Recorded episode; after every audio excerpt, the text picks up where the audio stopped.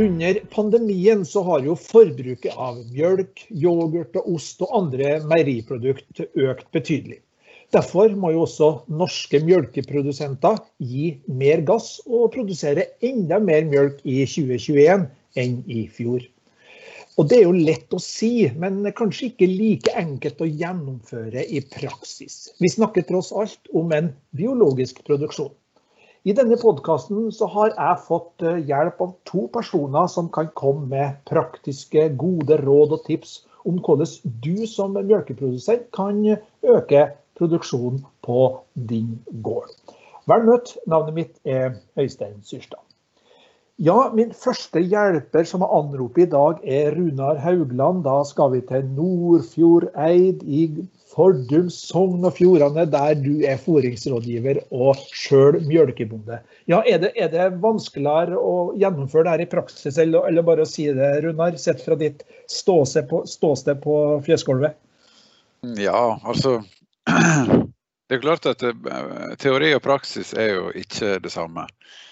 Det er ikke det. Men uh, som regel så er det en sammenheng. Og det, jeg, jeg syns det er veldig kjekt å, å, kunne ha en fot i hver leir. Uh, og jeg drar uh, erfaringer både som rådgiver med meg hjem igjen, og eh, tar med meg egne erfaringer òg ut i mitt rådgivningsvirke. Så det, det syns jeg er en grei kombinasjon å, å kunne ha.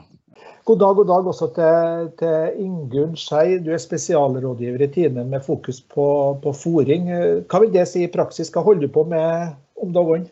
Ja, jeg jobber jo eh, i den forskning- og fagstøtteavdelinga på Ås. Og det er eh, forskningsprosjekt, eh, diverse forskningsprosjekt vi er med på. Og så jobber jeg òg en del med melkeprognose. Men uh, det er jo uh, fòring som er min bakgrunn. Da. så uh, jeg har ganske mye teori og litt mindre praktisk erfaring, sånn som Runar. Ja, men Da får vi en fin miks her. Og så hører vi jo at det er et nokså kraftig vestlandsinnslag i denne podkasten. Du kommer vel litt lenger sør, du er sunnfjording opprinnelig? Ja, jeg er fra Førde. Det er bra. vet du. Da har vi både Nordfjord og, og Sunnfjord med i, i denne, denne podkasten. Men skal vi begynne å gå inn litt i, i fagområdet her. og hvis vi, hvis vi, starter litt sånn praktisk eh, i forhold til dette med fôrbeholdning, hva slags fôr eh, den enkelte rår over. Hva tenker du er viktig å ha fokus på da, Runar? Det som er viktig, det er å eh, på en måte ha klart for seg hva slags uh, status du har på uh, din egen lagerbeholdning. Da. Du må vite uh, hvor mye fôr du har, og du må vite litt hva slags innhold og kvalitet det er på det fôret. På den måten kan du gjøre deg opp en plan i forhold til hvordan du skal disponere det fôret framover, og sikre deg at du har nok fôr til neste innhaustingssesong har kommet godt i gang. Men hvilke verktøy har du til å, foreta denne kartlegginga, Ingunn? Ja, Vi har jo noe som heter eh, produksjonsprognose, der du får inn, eh, har en eh, oversikt over hele produksjonen. Og Der inngår jo bl.a. melkeprognose. og Det er kanskje naturlig å begynne med å få en oversikt over over eh, hva melkeprognoser eh, på din gard eh, vil gi, og, og, om du har nok dyr i besetningen, om det er behov for å, å kjøpe inn flere. Og så gå over til produksjonsprognoser som gir en oversikt over hele besetninga. Og så er det jo viktig det å disponere fôret riktig til de ulike dyregruppene. Ja, Når du nevner ulike dyregrupper, så, så har vi jo f.eks. det at jeg har forstått at det er viktig hvordan du fôrer f.eks. i den perioden uh, kua har, har sina opp. Hvorfor er det viktig sett i forhold til laktasjonsperioden, Runar? Det er jo viktig for at du har kua et helt annet, eh, helt annet behov i forhold til energi og, og mineraldekning f.eks. Sånn at eh, Hvis en bonde har vært litt eh, uheldig en sommer og, og kommer for seint i gang med slåtten og vært kom, kom for seint i gang og fått sleet gress som er altfor langt utvikla, så kan det f.eks. være veldig positivt i forhold til sin ku. Altså at en kanskje bør legge noe fôr til sides og, og, og, kunne bruke det til dyregrupper som sinkyr og, og drektige kviger som ikke har eh, et så stort eh, energibehov og kan ete større volum og få, få brukt den, trene grovfòrkapasiteten sin, samtidig som de ikke får i seg for mye energi. Hva skjer da hvis den får i seg for mye energi? Nei, Det vet vi vel alle hva som skjer da. Så, så, så eh, da legger vi Altså har vi en sånn grovt tommelfingerregel. Hvis vi har et, et, grovfòr med, med, god energi, eh, sånn som et, et, godt melkefôr, da. Hvis du gir det full appetittfôring til sin kyr, så får du omtrent 50% overdekning på energi. Så Det betyr at vi bør ha et, et grovfôr med større innslag av eh, struktur. Eh, gjerne kanskje la med noe halm f.eks. Og i tillegg sikre mineraldekning med å bruke retta mineralnæring til de dyra der. Altså, en må huske på at uh, den sinperioden det er jo en overgangsperiode der kua skal forberede seg på en stor produksjon. Så her er det viktig at hun ikke blir for feit, og at hun får riktig mineralblanding. Uh, og så uh, da at uh, når hun kalver, så går hun jo ifra et veldig lavt energinivå til et veldig høyt energinivå på opp mot 40 kg melk. Så det er en veldig, veldig stor overgang. Eh, så da er det viktig at du er best mulig forberedt eh, til det. Og hvis du er for feit, så har du veldig lett for å, å ta av i hold. Og ete eh, har mindre kapasitet til å ete grovfôr, så hun kommer veldig lett i ubalanse. Jeg har lyst til å gå tilbake litt til det verktøyet vi snakka om i stad, dette med produksjonsprognosen. Er det noe som man kan hoppe i sjøl, eller, eller, trenger man noen som holder mjølkebonden i handa her, Runar? De fleste bønder har jo en liten produksjonsprognose i, i bakhodet. Eh, selvfølgelig har de det. Eh, men det som er med det verktøyet, er at vi kan eh, lett summere opp og systematisere besetninger. Hva, hva fôrbehov er det for de besetning gjennom året? Og Så kan vi på neste ark på en måte putte inn grovfòret du har.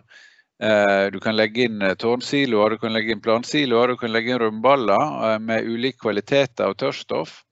Og så kan vi få summert opp hvor mye fôr du faktisk har tilgjengelig. Og Da får vi på en måte sammenstillinga mellom fôrbehov og fôrlager. Og så kan vi eventuelt supplere med innkjøpt fôr for å få dette til å gå opp. Eller eh, at du har et overskudd av fôr. Jeg kan kommentere en uh, liten ting. Sant? For det Oversikt over fôret det er uh, veldig, veldig viktig. Og da I tillegg til å vite hvor mye fôr en har, så må en ha eh, oversikt over kvaliteten. Eh, og Da er det fòranalyse som gjelder. og det Har ikke en fòranalyse, så bør en ta det eh, fort. Eh, og Da er det også å tilpasse eh, kraftfòrmengdene, få optimert og tilpasse kraftformengdene og, kraft, og, og kraftfortype til den kvaliteten en har. Og Det har vi jo mye rådgivere som er veldig gode på. Ja, og så har jeg hørt at det er egentlig aldri for sent å ta en fòranalyse. Selv om vi skriver februar og mars, så kan det faktisk være nyttig selv om de fleste tar den på, på høsten. Ja, absolutt. Eh, fòranalyse er viktig. Det kan hende en må ha flere fòranalyser, avhengig av hva, hvor representativt det, det fòret er. Så, vi, så, mange har jo forskjellige grovfòrkvaliteter og forskjellige skifter. Så det kan være aktuelt med flere fòranalyser. Men hva som er dyrehelse i forhold til produksjonsvolum på den enkelte ku? Er det noen sammenheng her? Nei, Det sier seg selv at skal vi ha ei høytytende kyr, så må hun være frisk.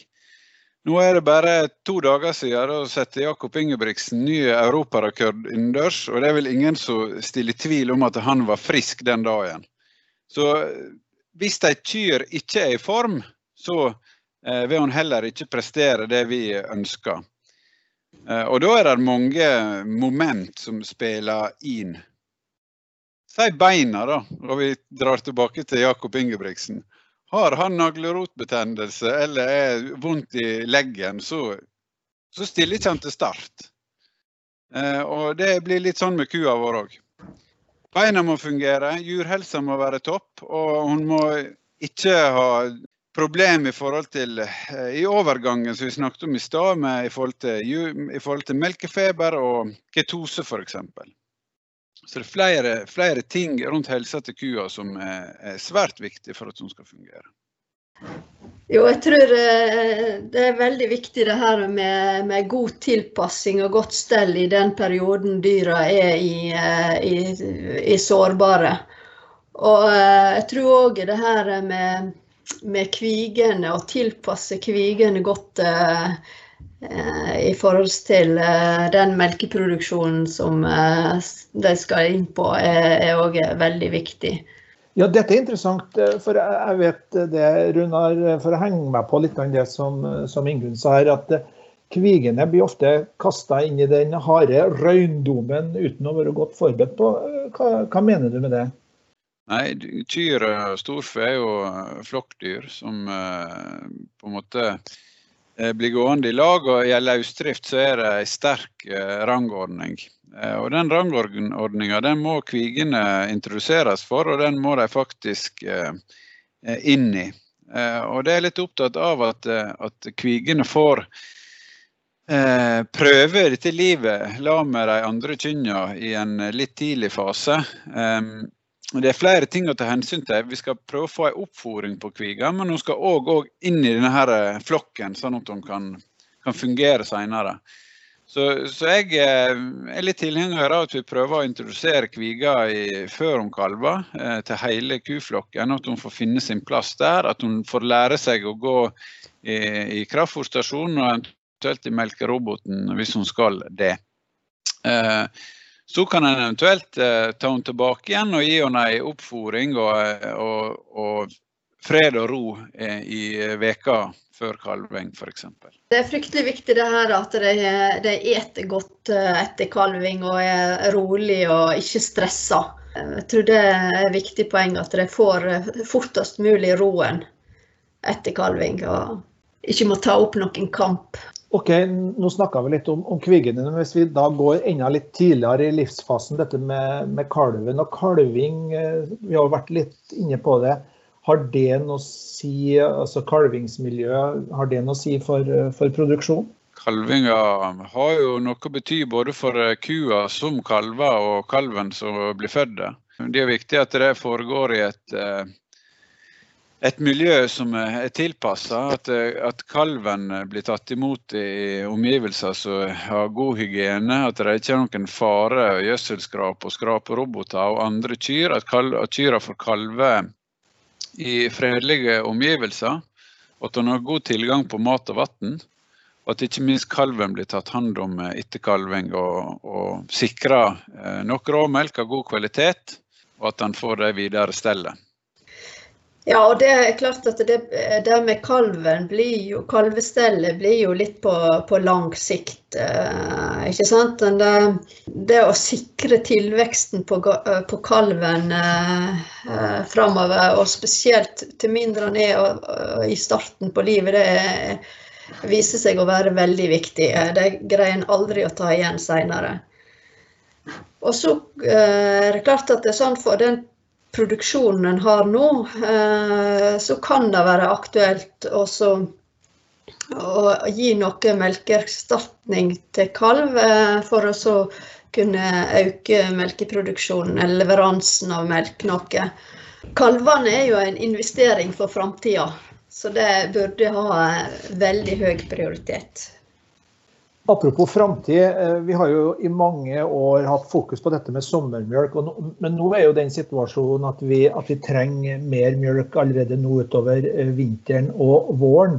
Men fortsatt er jo sommermjølk viktig. og Hvis vi skal snakke litt om uh, sommermjølksituasjonen, og at vi skal prøve å unngå den klassiske sommerdumpa, hva er det viktig å, å tenke på i forhold til den biten nå? Skal du ha ei kyr som melker om sommeren, så bør hun kalve fra eh, jul og framover, eh, framover nå. Eh, det er det som gir mest melk. Ei kyr som kalver i oktober-november, september-oktober, den produserer veldig lite melk når vi trenger den i august og september. Så det handler om å få kyr som kalver fra nå og framover. Og beholde de, prøve å beholde de dyra. Har en bra med dyr, så bør en prøve å sno seg og, og investere i de dyra som kalver nå, og så får en heller eh, kanskje hvis en skal utrangere dyr, prøve å prioritere de som kalver på, på høsten. da. Eh, men det er like viktig framover, våren og sommeren, ha fokus på å få inseminert eh, dyr, sånn at de kalver på denne tida her og framover. Og så er det et annet moment som er flittig diskutert i næringa. Det er jo hvordan du skal utnytte laktasjon best gjennom eh, hele året. Og noen snakker om å forlenge laktasjon, andre snakker om å utnytte laktasjon. Hva, hva sier forskeren om akkurat eh, den problemstillinga? Jeg tror eh, det går an. Også. Nå har vi vanlig sånn sintidsperiode på ca. åtte uker. Og er, er, det er viktig, veldig viktig å utnytte hele den perioden fram til uh, hun skal avsines. Uh, det er jo en del som har uh, konsentrert høstkalving, som avsiner tidlig for å, å få dem på beite, bl.a. Det er klart den, det er viktig for å få, få levert det en kan fram til, til og med de åtte ukene. Og så eh, tåler kua om, eh, om hun får litt kortere tid òg. Eh, men det er jo først og fremst å utnytte det potensialet som hun har mens hun melker. Hva vil det si i praksis? F.eks. så er det en del besetninger på Vestlandet med melkerobot som, som har konsentrert hauskalving. Men en får ikke kalv i disse kyrne til samme tid. Eh, og I løpet av vinteren så bestemmer du òg en del kyr som ikke skal insemineres for kalving neste høst. Eh, det en kan gjøre da, det er å ta vare på de kyrne som skal kalve senest oppunder jul, kombinert med de som skal slaktes. og Så kan du melke dem lenger utover sommeren, eller den hovedflokken som skal kalve igjen eh, på, på tidlig høst. Og Da kan du plutselig ha en ja, 10-12-14 kyr. Det var en del som melka den størrelsesordenen utover i juli og august i fjor, og fikk faktisk et rimelig kjekt meierioppgjør i de månedene som de ellers ikke har hatt produksjon før. Et annet eh, punkt som har vært framme i diskusjonen for å mulig å få opp melkeproduksjon, er jo dette med dyretall. og Vi så jo en veldig reduksjon, spesielt da i starten, både slutten av 2019 og i starten av, av 2020, når vi, når vi, trodde at uh, melkeproduksjonen skulle tas ned før pandemien kom. Uh, Finnes det noen muligheter for å påvirke dyretallet i den situasjonen vi nå står oppe i, Ingunn? Ja, nå er det jo om å gjøre å holde, holde, på de dyra en har eh, mest mulig, og ikke slakte ut eh, produktive kyr. Uh, og så I fjor var det jo veldig liten omsetning av, av, dyr, så det var vanskelig å få tak i nye. og Hvordan det blir i år, det, det vet jeg ikke helt. Men eh, det å uh, sjekke om det er dyr til salgs, enten via den Nortura si livdyromsetning, eller det kan være rådgivere som har tips om hvor de kan få tak i, i dyr, det, det er jo veldig aktuelt. Nå er jo Tine tydelig på at, at, eh, de ønsker mer mjølk eh, gjennom eh, vinter og vår og sommer, og kanskje utover høsten også. Men hva med, med fettet? For det er også stor etterspørsel etter, etter, mer fett i mjølka. Er det noen gode triks i, i ludoen der, Runar?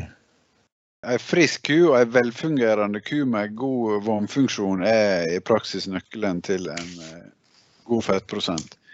Og vi har jo eh, et godt utgangspunkt. Foråret 2020 eh, var et år der vi hadde gode høsteforhold. Vi fikk bra tørrstoff i gråfòret, vi fikk bra sukker og vi fikk god fordøyelighet eh, med bra energi. Så Det er jo det beste utgangspunktet. Så Det handler egentlig om å disponere det fôret. Har vi slått et fôr tidlig og, og har god fordøyelighet på det, så kan vi ødelegge kua med f.eks. å gi en for mye kraftfôr. Da får vi ikke høy fettprosent.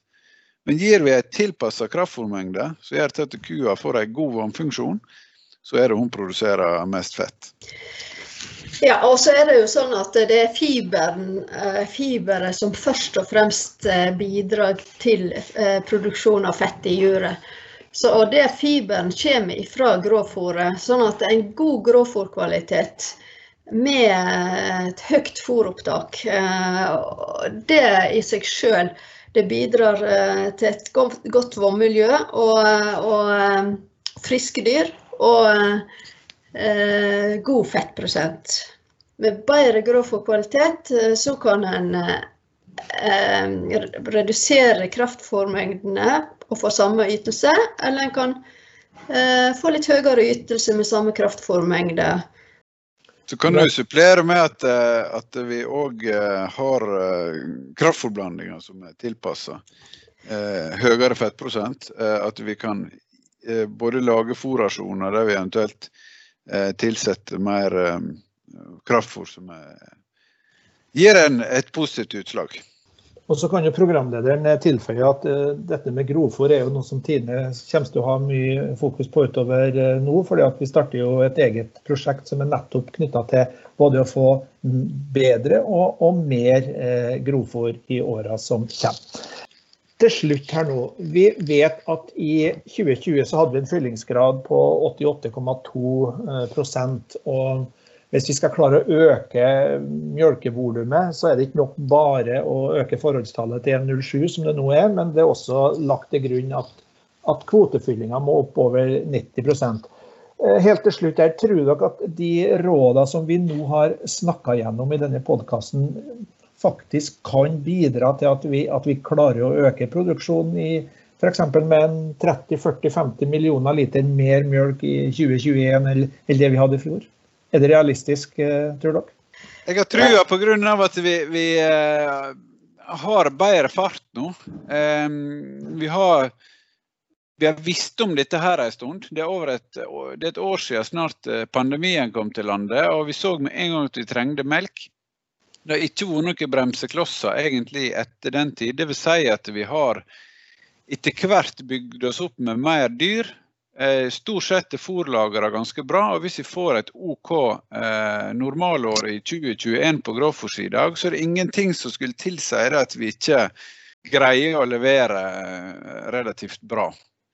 Ja, jeg syns det, jeg har absolutt trua og at det her kan, kan, gå bra. Vi er på et helt annet nivå i år enn vi var i fjor. Eh, så det er små grep og god planlegging. Så tror jeg absolutt det er potensial for å, å, å få en god produksjon framover. Og, og, det bør jo ses på som muligheter til en inntektsøkning for for eh, bøndene rundt omkring òg. Vi har snudd trenden litt nå. Eh, for ett år siden så var det veldig mørke skyer. Det var forhåndstall på 0,85, og det var så gale egentlig så det kunne bli. Omsetningsavgifta ble satt opp pga. utkjøpsordninga.